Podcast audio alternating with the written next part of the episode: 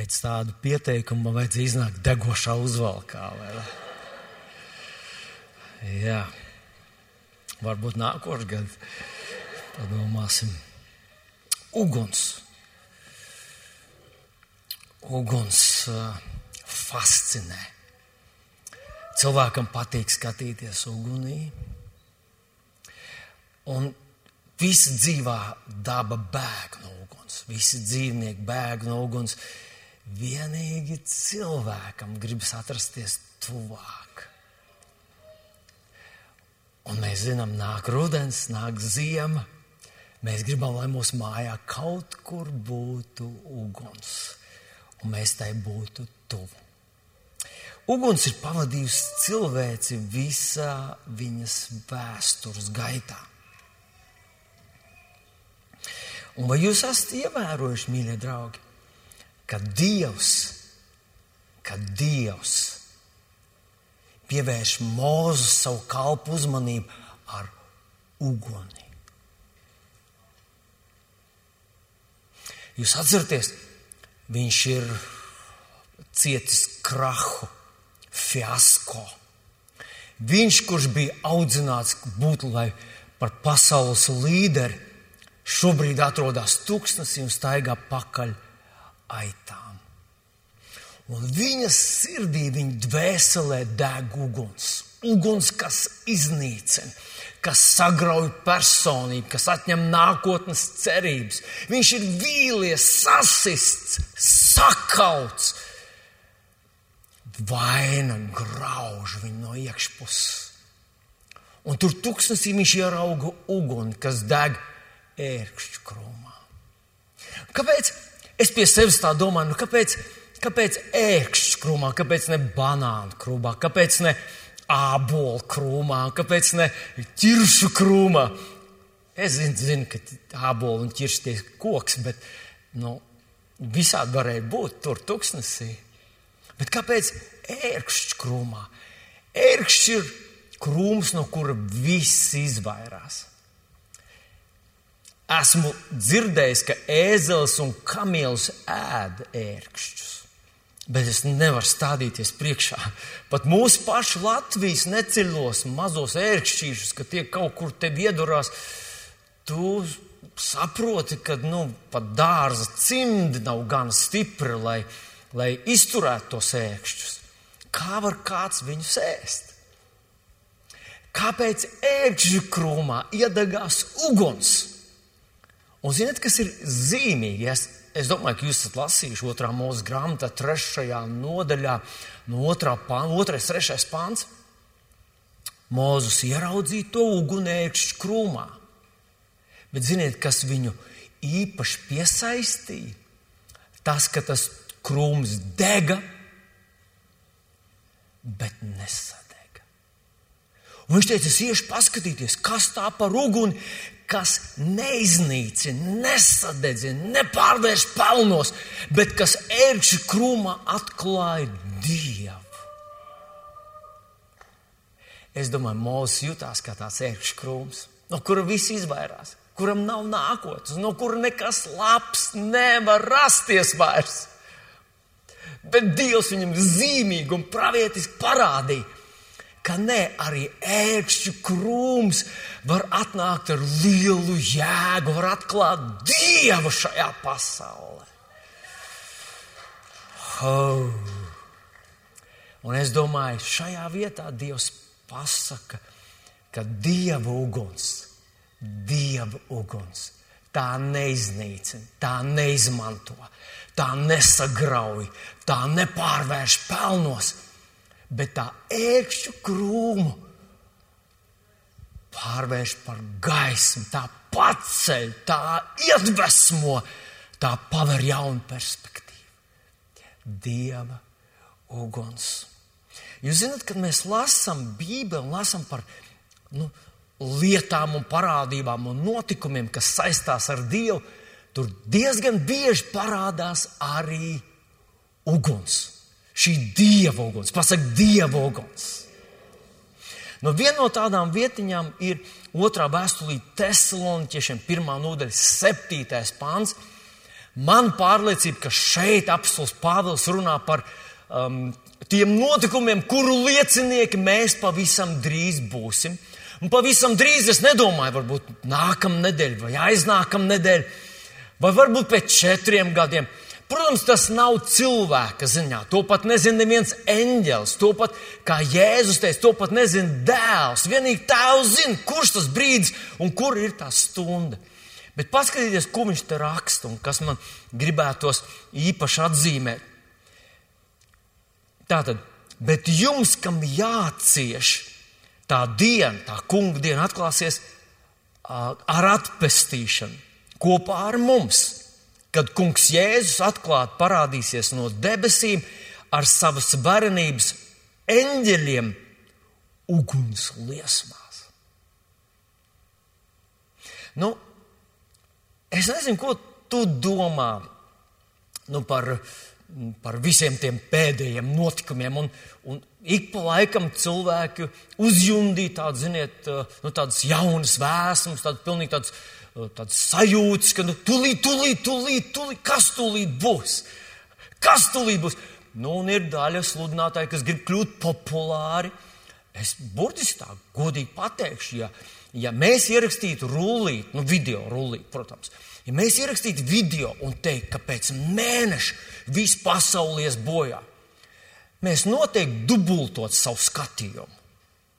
Cilvēki gribētu zināt, nu, kad tā bojāja būs, jo nu, nevienam nav noslēpums. Mūsu kaimiņu zemes, lielās Krievzemes lielais vadītājs atkal sāk draudēt ar kodolieročiem. Un šoreiz viņš teica, ka tas vairs nav blefs, līdz šim es blefoju, bet tagad runāju pa īstam. Būs kodolieroči, un mēs nebaidīsimies viņus tur šaut, ja jūs, ja jūs Luhanskas vai Donetskas tajā mūsu, tagad tā būs mūsu teritorija, jūs tur kaut ko iešausiet, mēs bliezīsim ar kodolieročiem. Un, protams, visas rietumu valsts atbildē, nu mēs bliezīsim jums pretī. Un tad cilvēks, normāls cilvēks, un visi žurnālisti un visi eksperti saka, tās ir pasaules beigas. Bet mēs ar tevi, Dieva bērni, zinām, kāds būs pasaules beigas, vai ne? Kad tās būs? Tās nebūs, kad viens trakais piespiedīs sarkano pogu un sāksies. Mēs zinām, Bībele mums ļoti skaidri atklāja. Otrā pētera vēstulē, trešajā nodaļā, tur ir konkrēti pateikts, ka Dieva diena, Dieva dienas, iedomājieties, Dieva dienas atnākšanu, kuras dēļ debesis ugunī sadegs un pasaules pamati karstumā izkusīs. Tad, tad kad šī pasaule aizies bojā? Kad viss šis kosmos aizies bojā? Tas nebūs Putina lēmuma rezultātā. Tas būs Dieva lēmuma rezultātā. Un viņš ir uzrakstījis mums skaidru scenāriju. Varbūt detaļas mēs nezinām, bet lielos vilcienus mēs ļoti konkrēti zinām. Un tur ir teikts, ka tas notiks ātrākais. Pasaka pats ātrākais. Piebiks tam, kurš sēž tev blakus. Pasaka pats ātrākais pēc 1007 gadiem. Tas ir viss ja viss notiek ļoti ekspresi, zibenīgi, pēc 1007 gadiem šī pasaule aizies bojā. Mēs ar tevi šeit vairs nebūsim, vai ne?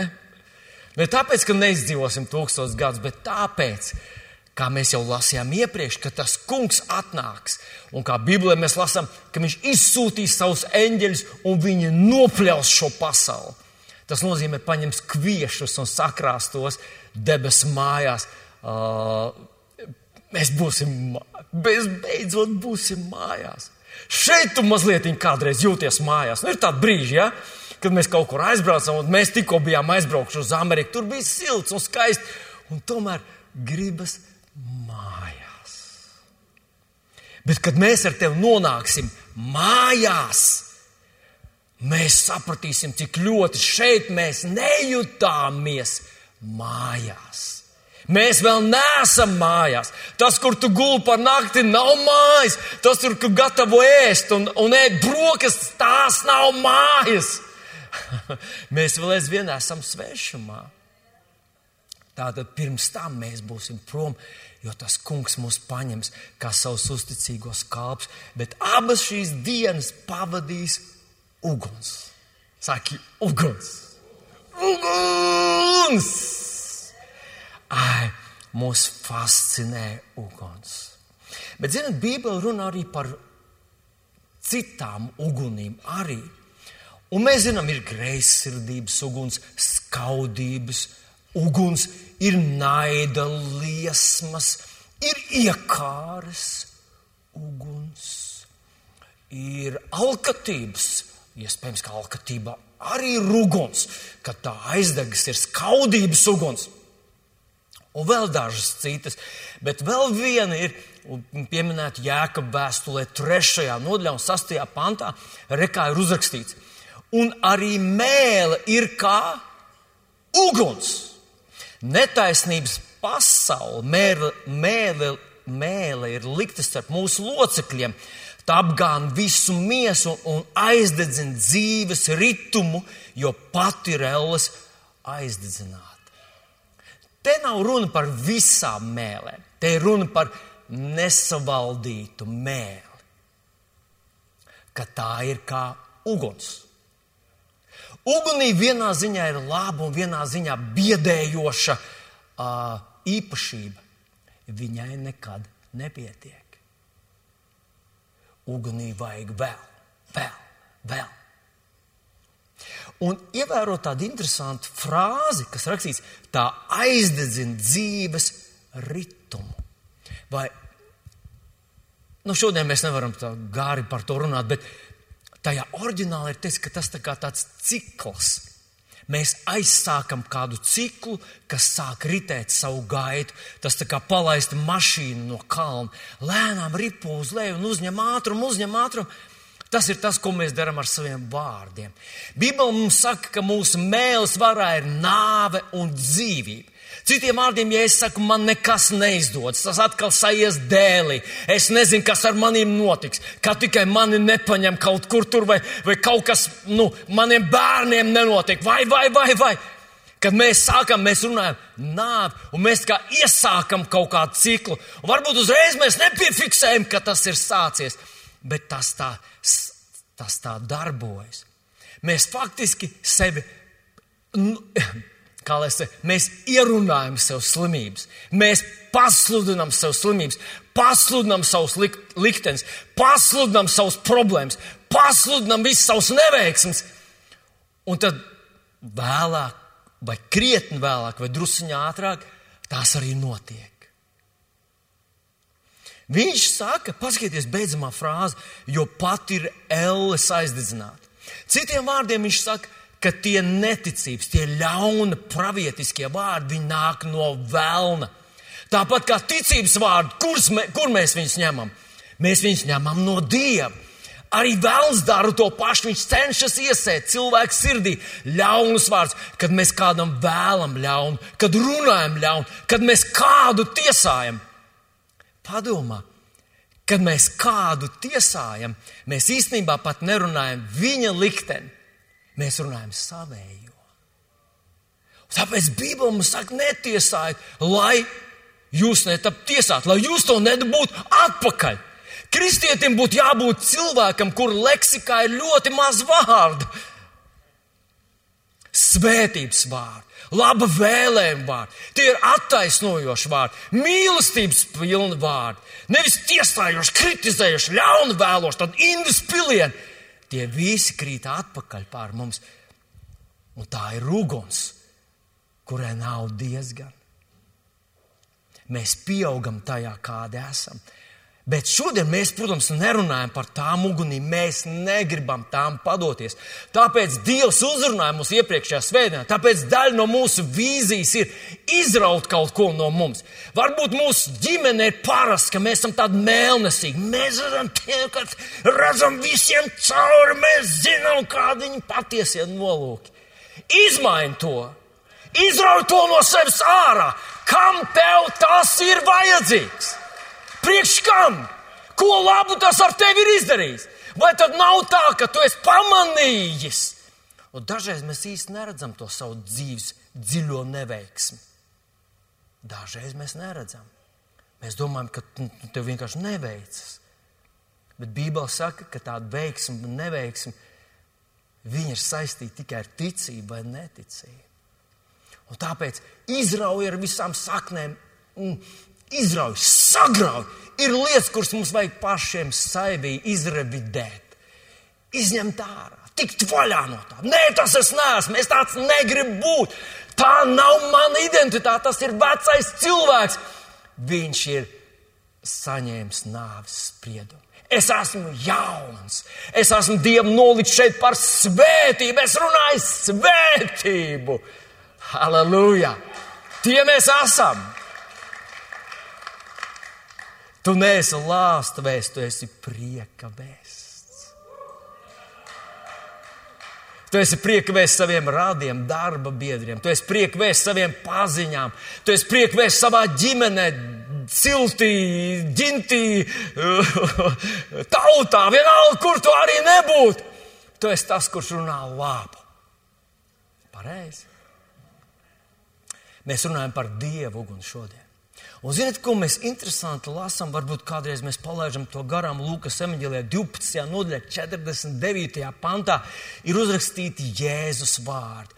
Un Jēzus vārdi skan tā: Uguni es esmu nācis mest uz zemi, un kā es vēlētos, lai tā jau degtu.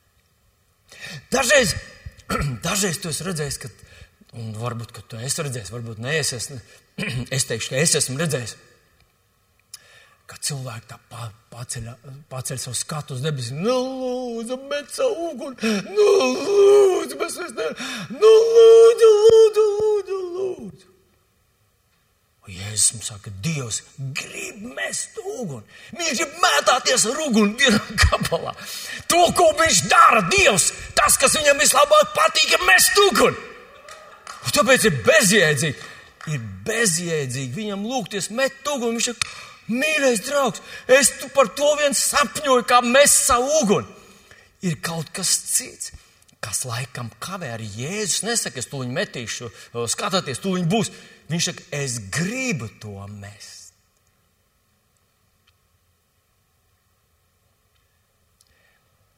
Ziniet, no šiem jēzus vārdiem es izsacinu, ka cilvēks nevar īsti bez uguns dzīvot. Tie, kas dzīvo bez uguns, viņi lēnām kļūs par tādiem nospiestiem, inertiem cilvēkiem, kas nu uz visu skatās ar tādu nihilismu. Nav vērts. Kā, Kas tas bija par pa dzēnieku? Viņš teica, ka nav vērts nekas. Nē, kas nav vērts. Ka cilvēkam vajag uguni. Un, ja viņam nav dievu uguns, nu, atcerieties, Jēzus teica, ka neviens svēts iededzinājis neliek to zem pūra vai lukturi, bet lai tā spīd, to liek kaut kur augšā. Tu esi tā svece, kur, pār kur Dievs ir metis savu uguni. Viņš grib, lai tu dedz. Viņš grib, lai tu dedz ar viņa uguni, kas nesadedzina, kas nesagrauj, kas nepārvērš pelnos visas citas uguns. Un šeit es atkārtošu vēlreiz to domu ka, ja cilvēks nedeg dievu ugunī, viņš intuitīvi meklē kādu citu uguni. Un viņš meklē kaut kam ielikties. Viņš vai nu glābj zivis, vai, vai, vai tauriņus, vai kāpurus, vai, vai, vai viņš glābj vārdus, vai, vai ežus, vai, vai, vai citplanētiešus, bet viņš kaut ko grib glābt. Viņš grib dzenās pēc naudas, vai pēc aplausiem, vai pēc laikiem, vai viņš dzenās pēc tā, ka viss viņu ienīst, vai viss viņu atbrīvo. Bet cilvēkiem ir raksturīgs, ka viņš deg kaut kādā ugunī bet tās visas citas ugunis sagrauj un iznīcina. Sagrauj cilvēku šai šo mm, pasaulē, viņa ģimeni, varbūt sagrauj viņa apkārtējos, varbūt un pavisam droši iznīcina cilvēku mūžību. Bet ne dieva uguns. Ja es teicu, es esmu atnācis uguni mest virs zemes, un kā es vēlētos, kaut tā jau degt. Un, zinot, Jēzus meta uguni. Mēs lasām vasaras svētkos. Tur bija sapulcējušies 120 cilvēki. Bet interesanti, ka tās bija desmit dienas, kopš Jēzus aizgāja līdz vasaras svētku dienai. Bija desmit dienas, drusku vairāk kā nedēļa tikai. Pēdējo reizi, kad Jēzus parādījās vairāk kā 400 cilvēkiem pēc savas augšām celšanās, fiziski, Jēzus, kurš bija nogalināts, kurš bija apglabāts, atnāk 400 brāļi vienā reizē, skati viņu, viņš viņus māca par Dievu valstīm, viņš viņiem sludina, un tad viņš saka, palieciet Jeruzalemē. No tiem 400 tikai 120 sagaida šīs desmit dienas. Mums nevajadzētu brīnīties, ka ir cilvēki, ir cilvēki, kur vienkārši aizraujās ar pasauli, aizraujās ar visu to pelēko rutīnu un sāk skriet tai pakaļ, tā kā vāveres ritenī. Tā tas notika jau toreiz. Bet tajā 120. augšstabā 120 cilvēki nonāca Dieva uguns, kā uguns mēlē, sadalījās uz katru no viņiem. Tas ir tieši tas, kas notika ar visiem mums. Un, ziniet, tas notika tālā, necilā, mazā, neattīstītā jūdejas provincē. 120 cilvēki saņēma šo uguni. Šodien pasaulē jūs neatradīsiet nevienu pilsētu Nevien, ne, jāsāk ar nevienu kontinentu, nevienu salu, nevienu valsti, nevienu pilsētu, nevienu ciemu, kurā nebūtu kāds šīs uguns nesējs. Visur, viņi ir visur. Dažreiz viņus nevar redzēt. Dažreiz varbūt uz ielas viņus nevar dzirdēt, bet viņi ir visur. Visur ir kāds, kurš ir saņēmis šo uguni un cenšas to nodot citiem. Aizdedzināt ar īstu uguni, kas neiznīcina, bet paceļ un atdzīvina ar dievu uguni. Halleluja!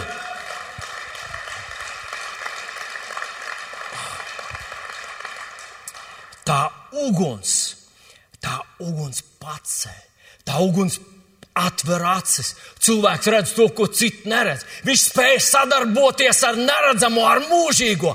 Tā uguns dod perspektīvu. Tā uguns paceļ un ļauj cilvēkam darboties dievišķajās kategorijās. Un dažreiz parastajās ugunīs degošie to nesaprot. Viņi, viņi, viņi, viņiem liekas, tas svešs uguns. Hei, mēs te nīstam, iekārojam, skaužam, kas tev kaiš? Un tu saki, es mīlu! Dievs ir iededzinājis manī mīlestības uguni. Tas bija brīnišķīgi. Un, zinot, tas bija apmēram, apmēram, es nevaru pateikt precīzi, es nepiefiksēju, kad tas notika bet tas bija apmēram pusgadsimta atpakaļ. Šī uguns iedegās viena necila, pelēka, viduvējības, nedroša, kompleksaina pusauģa sirdī. Viņa vārds bija Vilnis. Un viņš, viņš uzauga ticīgi vecāku ģimenē, bet vienīgais, ko viņš mācīja, jo tēvs paģērēja, lai viņš to dara, noskaidrot kādu dzējoli. Un dažs no tiem dzējoliem viņš vēl aizvien atcerās šodien, kad viņam tūlīt būs 60. Liec saviem bērniem labas lietas iemācīties. Viņi tās vecumdienās viņi tev teiks paldies. nu, es nedomāju par sevi vecumdienās. Es tikko biju konferencē, kur, kur es skatījos uz tiem mācītājiem. Es domāju, jums sen vajadzēja gulēt gultā un, un, un, un, un, un, un lūgt, lai mazbērni jums lasa grāmatas priekšā. Viņi tur uz platformas sludināja tā, ka, ka, ka es domāju, ak, Dievs, tu, tu man tikko pavērsi šķirmu vaļā. Ja? Es jau domāju, ka ko tu nu vairs? Slāva Dievam! Par to, ka Dievam tev vajag jaunībā, viņam vajag tev bērnībā, viņam vajag pusauģi gados, Dievam tev vajag spēka gados, Dievam vajag tev, kad tev vairs nav spēka gadu, un Dievam tev vajag vecu! Ha!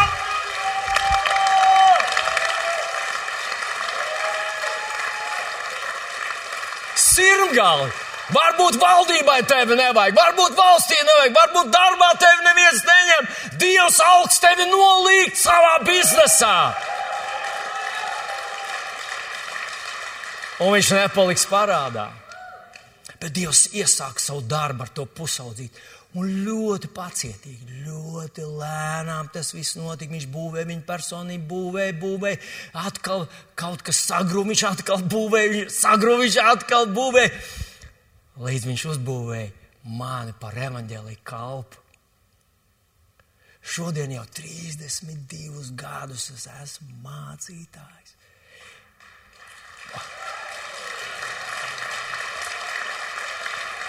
Mēs do, god, dodam tev godu, kungs. Tu esi cienīgs tā viss.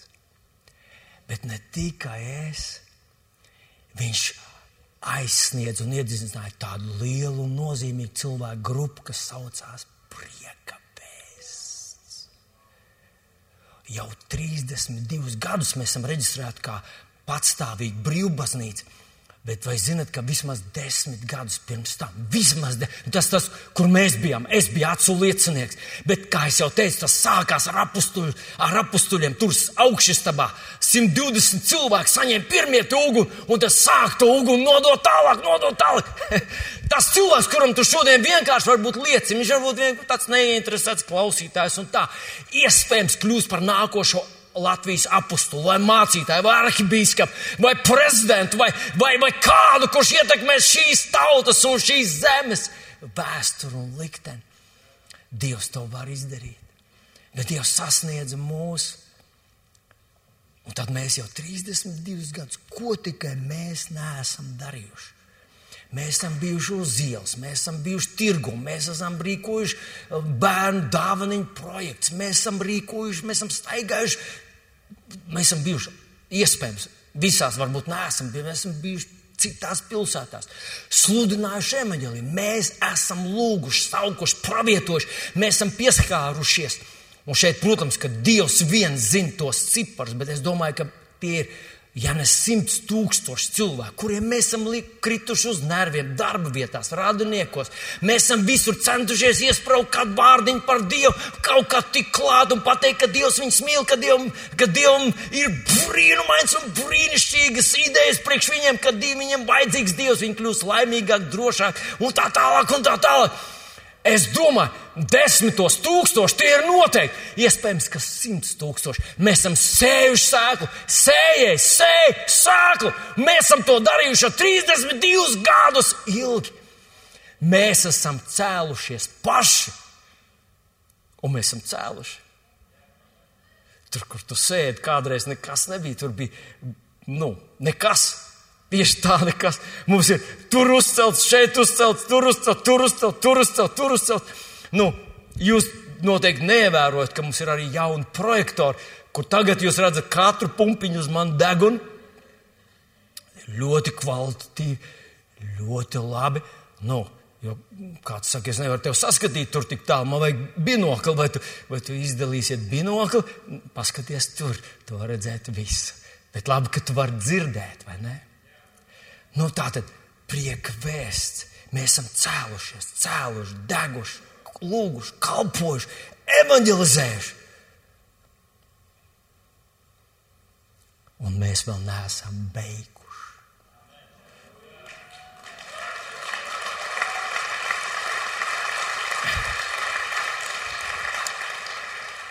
Mēs vēl neesam beiguši. Mēs esam sākam iesilt Mēs sākam druskuļi uzsildīties. Tagad Bībelē ir, Bībelē ir kaut kur tāds, tāds pāns uzrakstīts, ka vispirms ir dabīgais un pēc tam garīgais. Dabīgais mums ir! Dabīgais mums ir!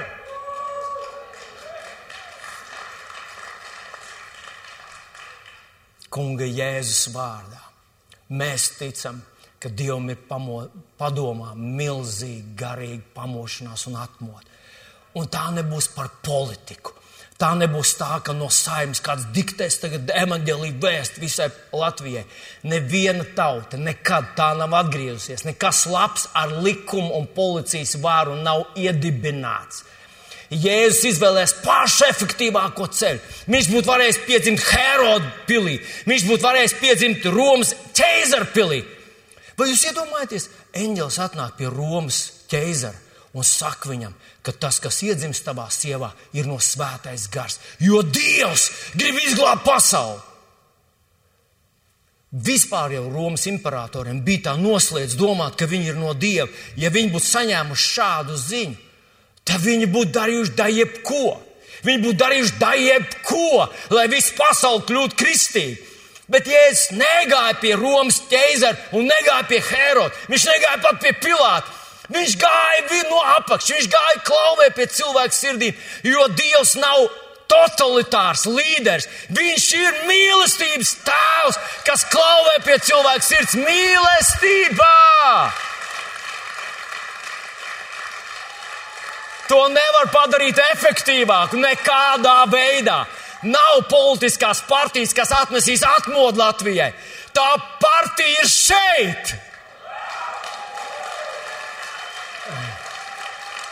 Un es nedomāju tikai šo draugu. Es domāju, Dievam, Dievs mīl katru baznīcu, katru, katru sanākšanu. Dievs mīl katru Dieva bērnu, katru draugu. Viņš grib lietot katru, lai katru no mums mācās paklausīt, paklausīt Dievam. Tas notiks. Bet es ticu, ka Dievam prātā ir liela garīga atmodu. Un es gribu atgādināt rakstvietiņu no Jāņa 15, 16. Ieklausies šos te vārdus. Ieklausies uz šos vārdus. Viņi attiecās uz tevi personīgi un uz mums kopumā. Jēzus saka tā, romiešiem 15, piedodiet, Jāņa 15, 16. Ne jūs mani esat izredzējuši, bet es jūs esmu izredzējis un jūs nolicis, nolicis. Tas ir laiks un vieta, ka jūs ejat un nesat augļi, jūsu augļi paliek. Ziniet, mēs kādreiz domājam, ka mēs esam radījuši šo situāciju, un mēs sakām, Dievs, nāc, palīdzi arī, kur es esmu. Dievs saka, he, he, he, lūdzu, ne, ir, ir subordinācija. Ne tu mani izredzēji, ne tu mani atradi, ne tu mani padarīji par savu kungu. Es tevi izvēlējos, es tevi biju nolūkojis, es tevi uzrunāju, es tevi vilku pie sevis. Ja es teicu, neviens nevar nākt pie manis, ja tēvs viņu nevēl. Tas nozīmē, ka tu esi šeit, tāpēc, ka tēvs tev vilk. Tu varbūt nejūti, vai tu varēji pateikt nē, varēji. Tu varēji pateikt nē. Un visdrīzāk tu pāris reizes pateici nē, bet viņš neatlaidās. Viņš savā mīlestībā, lēmprātībā, pacietībā nepadevās. Viņš atkal uzrunāja, atkal uzrunāja. Un nu tu esi šeit! Bet viņš ir izlēms, viņš ir izrēķinājis, kur tu būsi, kādā laikā tu būsi. Un ne tikai to, viņš pazina tevi un viņš zina, ka tu esi un vari būt auglīgs un veiksmīgs. Tu vari iziet cauri tam laikam, kas būs. Vienalga, kas notiks, vienalga, kas šaus, no kurienes šaus, vienalga, kādus lēmumus pieņems Putins, kādus pieņems Baidens, kādus pieņems Eiropa. Dievs ir izredzējis, nolicis te, ka tu ej, esi auglīgs un tavu augli paliek. Tāpēc es skatos nākotnē un es pievienojos līgas vārdiem. Mēs ar drošību skatāmies uz priekšu, mēs ar prieku skatāmies priekšu, mēs tiksim cauri dājiem kam.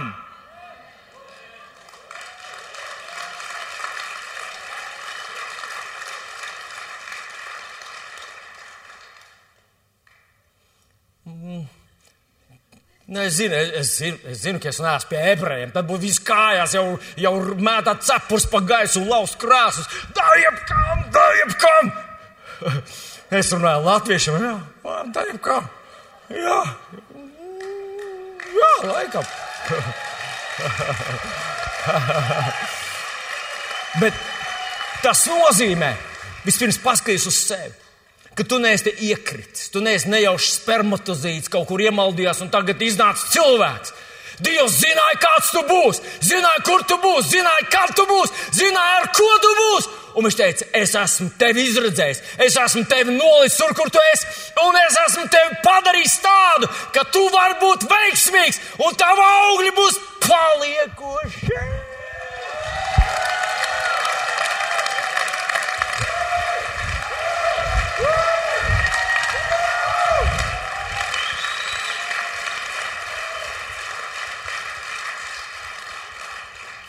Kāds ir teicis, ka tā svinības skaļums ir proporcionāls tam, kādu uzvaru tiek svinēta. Ja tev ir tāda maziņa, tad jā, bet ja tu svini, wow, es biju ērkšķis krums. Nekas man nebija dzīvē sanācis.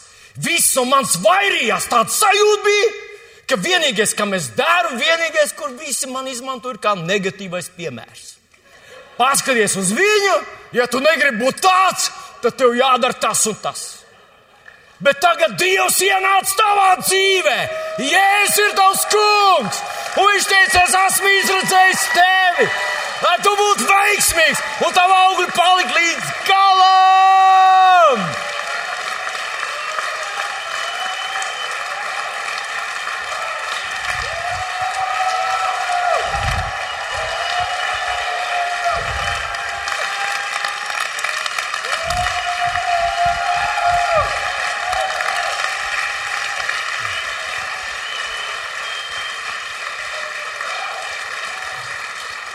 Kungs, paldies tev! Paldies tiem diviem cilvēkiem, kas piecēlās un tā ļoti skatās, kas šitie tādi, laikam, laikam būs baigā atgriešanās šodien. Vis, visapkārt visi sēž. Mīļie draugi, tāpēc Dievs grib mūs aizdedzināt.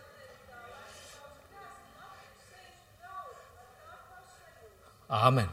Nu, tad, tad raudiet tā, lai dzird. Līga saka, ka latvieši raud tā vietā, lai jūs mot. Jēzus teica, es gribu, lai tā uguns deg. Apsos pādas romiešu vēstulē 12. nodaļā, 1. pantā viņš saka, kas ir nepieciešams, lai šī uguns iedegtos. Viņš saka, ugunī vajag materiālu. Viņai vajag upuri. Dieva uguns vienmēr ir kritus uz altāra uz upuru. Katra kristieša dzīve ir altārs. Īsti kristieša dzīve, kas sevi ir nodevis kungam Jēzum par savu, par, par kalpu, kurš uzticās Jēzum kā savam glābējam, ir altārs. Uz tā altāra ir jānoliek dzīves upurs. Visu savu dzīvi mēs liekam tur upurs, lai Dieva uguns degtu. Viņš saka tā romiešiem 12.1. Es jums lieku pie sirds, brāļu, māsas, māsas pievienoju pats nodot sevi pašus par dzīvu, svētu, dievam patīkamu upuri. Tā lai ir jūsu dievkalpošana. Un man šodien mans jautājums ir tev, mans mīļais brāl un māsa. Es kā tāds 50 gadus ar kungu jēzu staigājošs, reāls piemērs varu teikt, ka Dievs ir uzticams grūtos brīžos un vieglos. Bet tu vari brīžiem svinēt tā, ka tev liekas Dievs, ka tikai es nepazaudēju samaņu. Un brīžiem ir tik grūti, ka tev liekas, kur tu esi, kur ir. Kur ir tā palīdzība? Kā, kā tas notika? Tu nevari gulēt pa naktīm, tev murgi moka. Es te vēl pāris dienas atpakaļ pārunāju ar savu dēlu vienu notikumu. Un es atceros, ka vienā tādā ļoti smagā naktī, kad tā, tās nebija saistīts ar draugu, bet tas bija saistīts ar kaut ko citu. Pēkšņi man likās, ka svētais gars apsēdies uz manas gultas un man uzrunā, un man dod kaut kādas tēzes, un es tās pierakstu, un es domāju, tās būs priekš kāda. Bet, ziniet, pēc tam, kad viņš man to norunāja, man es nokritu kā beigts. Man vairs nemocīja bailes, neziņa, un likās, ho, viss ir tik skaidrs kā diena, un blūks, man atnāca tāds miers. Un tā es pēc tam, tikai pēc gadiem sapratu, ka tas bija Dievs viņa mierinājums, viņa glābjošais, atbrīvojušais, atklāsmes vārds, kas palīdzēja tad, kad vēseli gribēja izlikt ārā no eņģiem. Viņš ir klāt pašā smagākajā brīdī, pašā priecīgākajā. Viņš ir uzticams.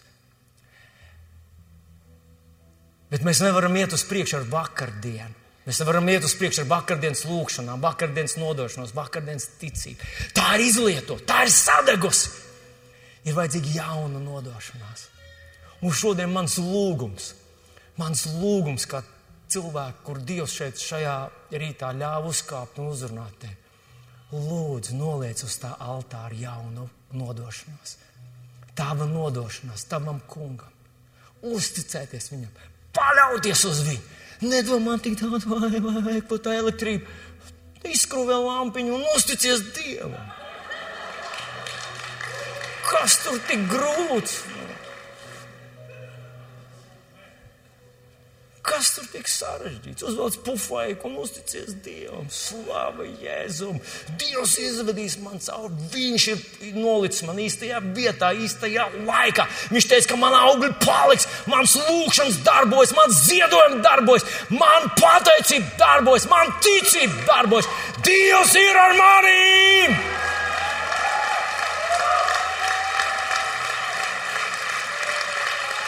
Vai es drīkstu tev palūgt piecelties kājās? Var jau būt, ka, nu, var jau būt, ka tu tā no malas uz visu to skaties, tad kā īsti nezini. Zini, ko es gribu teikt? Paklausieties, ko es gribu teikt katram latviešu nominālam kristietim. Vairāk nebūs ielūguma.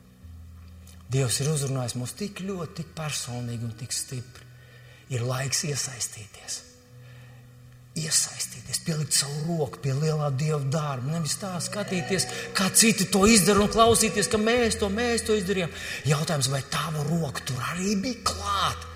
Vai tava roka tur arī bija klāta? Vai tava sirds, tava lūkšana, tava ticība, vai tā arī tur bija klāta? Un gādā par to, lai tā ir tur klāta. Jo tas ir ļoti svarīgi.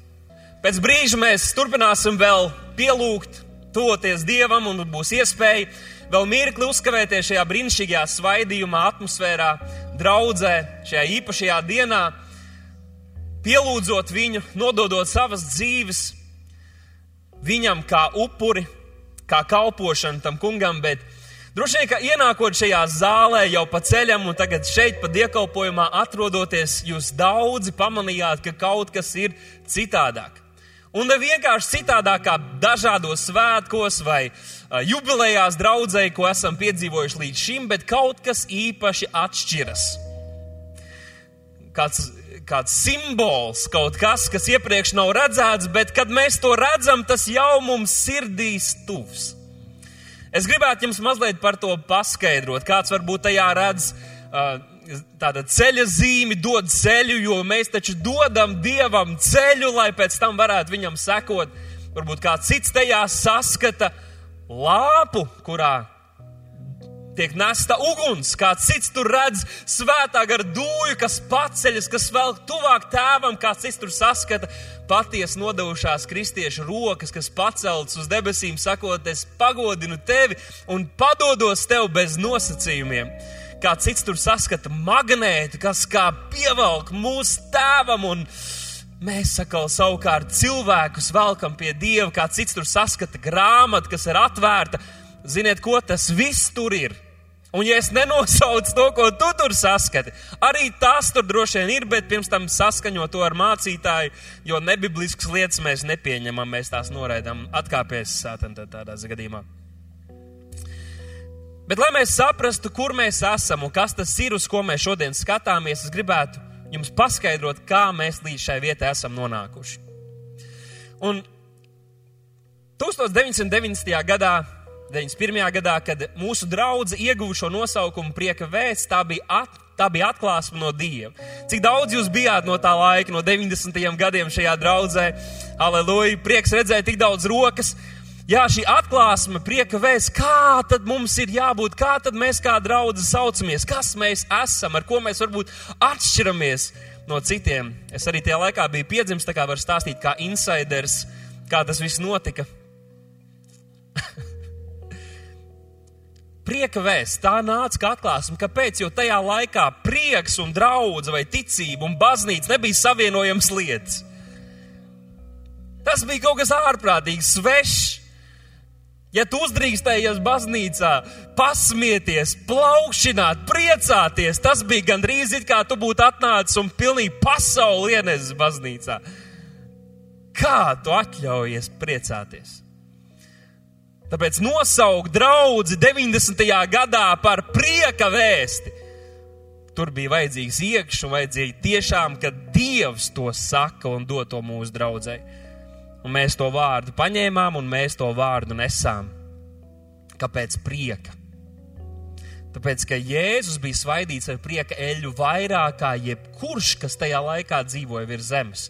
Tie, kas bija augstos amatos, kas bija ļoti labi, bagāti, dzīvoja, Jēzus kādā vietā saka uz sevi norādot, ka viņam kādreiz pat nav kur galvu nolikt. Viņš bija kalpotājs, viņš kalpoja cilvēkam, bet prieka viņam bija vairāk par jebkuru. Un ziniet, ko mēs esam Kristus miesa. Tāpēc priekam būtu jābūt kaut kam, kas arī raksturo mūs, vai ne? Neatkarīgi no tā, kas notiek ar mums, ap mums, valdībā, pasaulē. Hei, Bībele nekur nesaka, tad, kad jums iet labi, tad priecājieties. Pāvils saka, priecājieties, priecājieties iekšā kunga vienmēr. Es jums saku, vēlreiz priecājieties, priecājieties. Nu ko, tad mēs izvēlamies priecāties, tad mēs būsim arī prieka vēsts. Visbeidzot, pats evaņģēlijs Bībelē daudz viet tiek dēvēts tieši šajā vārdā prieka vēsts, jo prieka vēsts ir tā, kuru mēs nesam.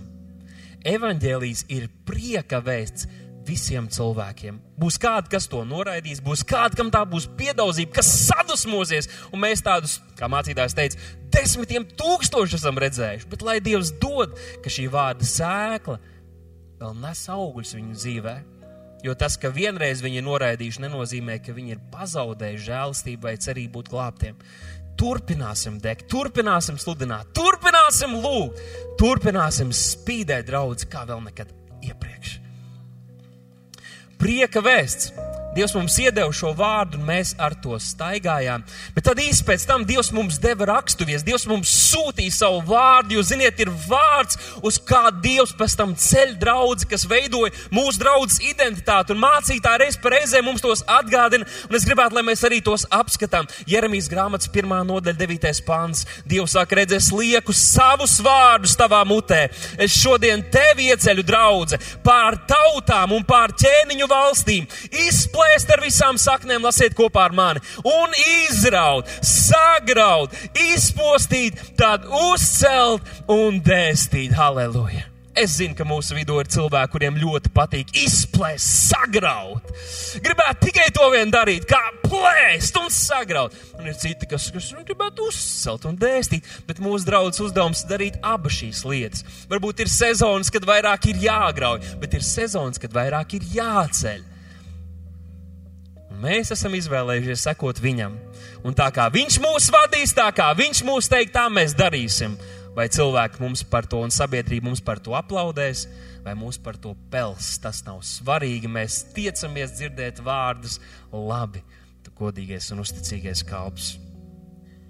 Iesaistīts grāmatas 49. nodaļā, 6. pants. Atkal Dievs saka, es padaru tevi draudz prieka vēsts Un mēs to uztvērām personīgi, šīs raksturvietas, ko Dievs svētajā garā darīja mums dzīves un deva tās mums. Es daru tevi, draudz, priekavēs par gaismu citām tautām un tautībām, ka tu būsi, būtu manas pestīšanas nesējis pasakam kopā līdz pasaules galam. Vai draudz priekavēs būs nākamgad? Būs. Vai draudz priekavēs būs pēc desmit gadiem? Ja kungs vilcināsies, būs. Amen! Un tā nu mēs ar to dzīvojām, staigājām. Un tad parādījās kaut kas jauns sabiedrībā, un iespējams, ka tas ienāca Latvijā tieši caur kādām kristīgām kalpošanām, kad atnāca kalpošanas, kurām bija logotipi. Logotipi, jeb logo, kas it kā nesa to vēsti, viņa identitāti, un tad tu paskaties to un tu redzēji, jā, tā ir tāda, tāda kalpošana, viņiem tas un tas ir svarīgi. Un mē, mēs bijām viena no pirmajiem, kas mēs arī teicām, mums tad arī būs. Un kā jau dedzīgi kristieši, mēs apvienojām visu, kas likās kristīgs un labs vienā logotipā. Un tas kādu brīdi tika lietots gan kā izdevniecības logo, gan mazliet kā draudzes logo. Varbūt varam parādīt, jā, šādi tas izskatījās. Un šeit mēs varētu runāt par daudz no mūsu draudzes vēstures lietām, jā, pret straumi, kustība, izdevniecība, arī pat tāda žurnāla, te visādas lietas par jums var uzzināt, draugi, kas jūs jau ilgāku laiku esat. Kā jūs degāt? Un prieks, ka vēl aizvien tā uguns deg jūsos. Es domāju, varbūt ir kādi kristieši mūsdienās, kas redzot šādu zīmi, šodien celtos kājās un teikt, es protestēju. Bet, bija, bet tie bija kristieši, kas bija izlēmuši sakot Kristumam, viņi skatījās Bībelē, tā ir dieva darības zīme. Zīltiņa, tā ir kristiešu izsenes zīme, kā atpazina savstarpēji pretstraumu. Zīltiņa, kas peld pa kreisi. Starp cikiem uz mašīnas ir zīltiņa, kas peld uz labo pusi. Tā nav kristiešu zīme, ir jāpeld uz kreiso pusi. Pretstraumi, nevis pa labi, pretstraumi. Un Bībele, kas ir visa centrā, visa pamatā, uz kā balstās augstākā autoritāte. Lūk, tā tas bija. Un tad 2005. gadā tapa mūsu draugs logotips, kas jau nesa šo mūsu identitāti un vēstījumu tam laikam. Varbūt kāds no jums atpazīst šo. Arī, kad jūs nācāt iekšā pa galvenajām durvīm, tur augšā varēja redzēt. Vēl visā, visur, kur šo te var redzēt. Ko tas nozīmē, par ko tas runā? Tur ir karoks. Tur ir karoks. Karoks runā par uzvaru par cīņu. Mēs jau svinām Kristus uzvaru. Pat ja mēs vēl to neredzam, pat ja mēs vēl neredzam savu tautu glābt, mums jau pieder uzvara, jo Kristus to jau ir izcīnījis. Viņam vairs nav jāvelk bruņu tērps, viņš jau ir sakāvis un atbruņojis visus savus pretiniekus, un mēs tagad ieejam šajā uzvarā un bazūni, jeb tauri, kas, kas runā par to, ka eh, mēs pasludinām Dieva gribu, mēs sapulcinām cilvēkus, mēs izsludinām grēku nožēlu tautā. Tā ir slava un pielūgsme. Mēs gājām, lai to darītu, lai nestu radikāli kalpojot un dzīvojot tam kungam. Un ziniet, es uzaugu ar šo tauri, es uzaugu ar šo vēstu, uzaugu ar šo svaidījumu. Halleluja, tas ir tik brīnišķīgi bijis. Labi. Bet gadiem ejot, grafiskā valoda sabiedrībā ir mainījusies. Un mēs kā draugi vēl aizvien kodolā esam tas pats, bet arī ejot gadiem, mēs aizvien vairāk saprotam šajā sezonā, kā Dievs aicina mūs kalpot, kā, kā, kādu vēstu mums ir jānes, kā mēs efektīvāk varam darīt to, kam Dievs mūs ir aicinājis. Un mēs sākām domāt, kā tad šodien varētu izskatīties šis logotips. Varbūt, kāds teiks, jūs jau desmit gadus esat nokavējuši. Lai arī tā, bet šis ir dieva laiks. Šis ir dieva laiks, un mēs esam gatavi darīt to, kā Dievs mūs vada. Bet domājot par šodienu, kas tad mēs esam, draugi? Vēl aizvien prieks ir pāri visam, tas ir kā mēs to darām, bet vēsts ir visa pamatā, vai ne? Vēl aizvien šī vēsts Dieva nemainīgais, mūžīgais, spēcīgais, dzīves mainošais, Dieva vārds vēl aizvien ir visa pamats. Tas vēl aizvien ir tas, ko mēs sludinām, un ziniet, ja mēs būsim šeit virs zemes vēl 500 gadus prieka vēs, ieslēdziet YouTube mūs pēc 500 gadiem, mēs vēl aizvien sludināsim šo pašu dzīvo Dieva vārdu, kas rakstīts svētajā Bībelē. Mums nav vajadzīgas citas grāmatas, mums nav vajadzīgas filozofijas, mums nav vajadzīgas ideoloģijas. Mums pietiek ar to, ir vairāk kā pietiekami ar to, kā stāv rakstīts, jo kā stāv rakstīts, tā arī ir.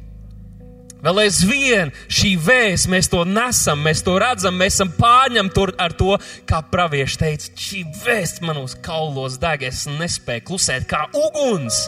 Aleluja, kā mums patīk upēs par uguni.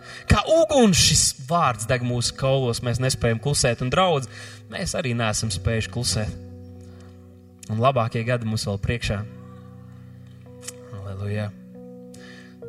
Tātad vēsts, šis vēsts, pirmais burts ir šis V-burts, kas ir kā veido tādu trīsstūri, kurš veido šo kustību uz augšu, paplašinās, kā Dieva valstība, kā debesu valstība, tā izplatās. Bet tad es domāju, kā, kā ar mēs kā draugi esam, vai vienkārši priecīgi mēs esam, tas būtu tā sēkla teikts, lai gan prieks arī mūs raksturo.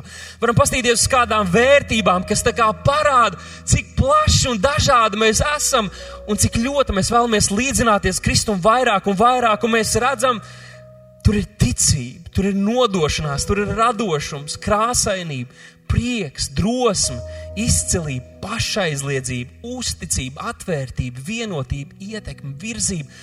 Un jūs sakat, Jūs jau visus labākos vārdiņus paņēmāt. Ziniet, mēs vēl daudzus nevarējām iekļaut šajā prezentācijā, kurus mēs arī saskatām Dieva vārdā, kurus mēs saskatām jūsos, mūsos, kā ģimenē, kā garīgā ģimenē, kā draudzē.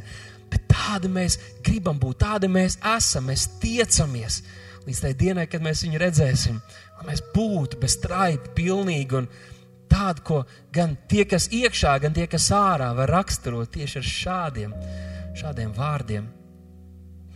kad es domāju par draugu. Un droši vien, kad mēs visi skatāmies to, un vairākos bukletos un grāmatās kādreiz tas jau ir bijis tā attēlots, ka draugs līdzinās tādam kokam.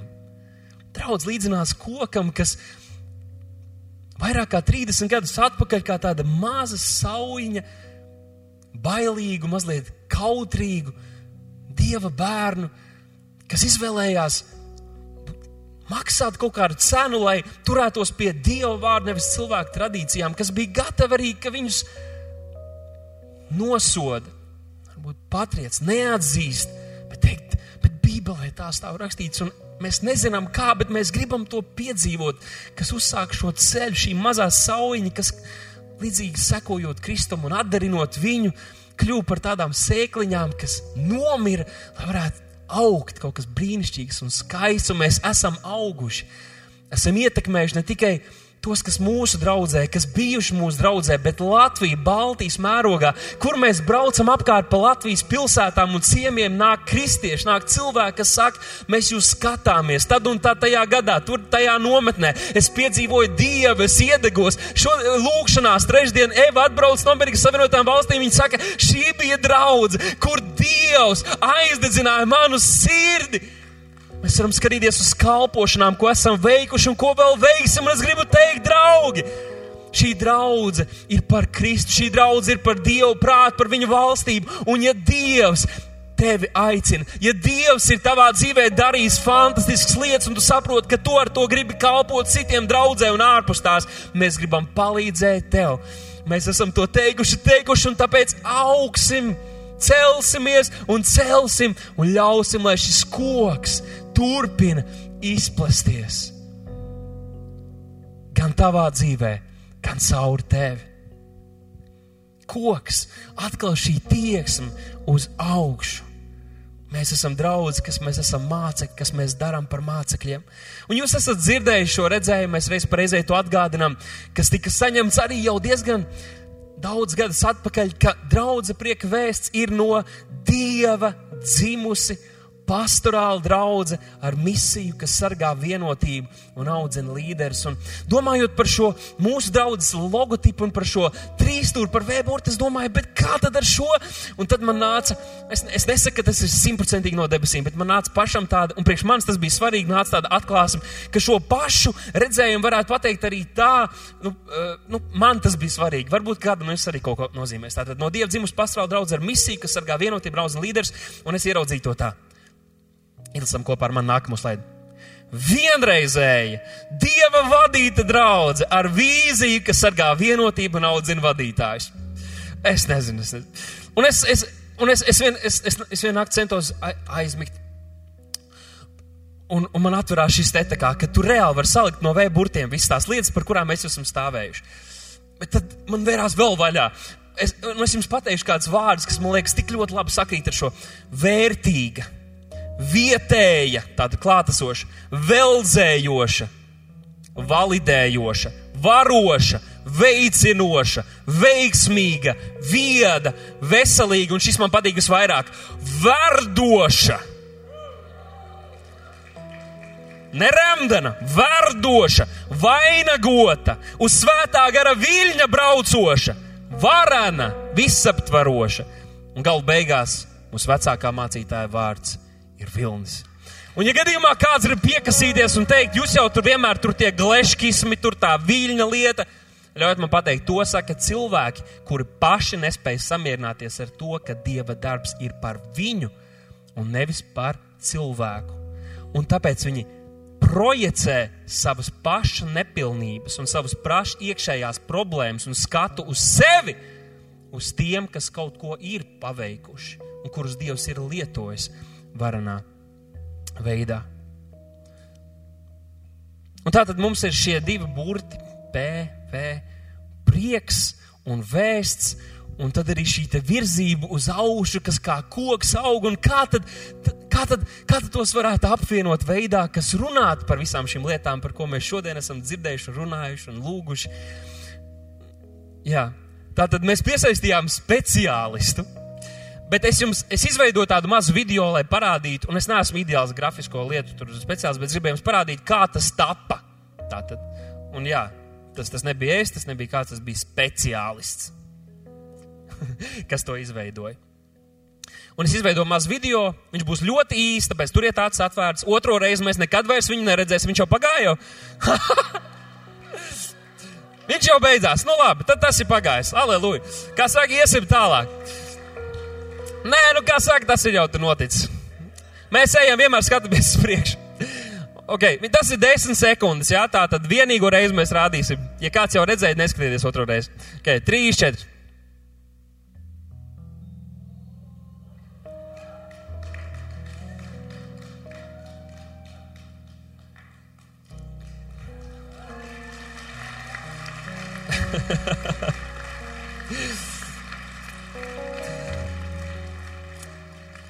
Kādreiz tu gribi labāk, bet sanāk, kā, kā, sanāk kā labāk, jā. Vēl labāk, sanāk vēl labāk, sanāk vēl labāk, sanāk vēl labāk. Un ko es vēlētos teikt, pirms mēs tagad pielūgsim mūsu Dievu?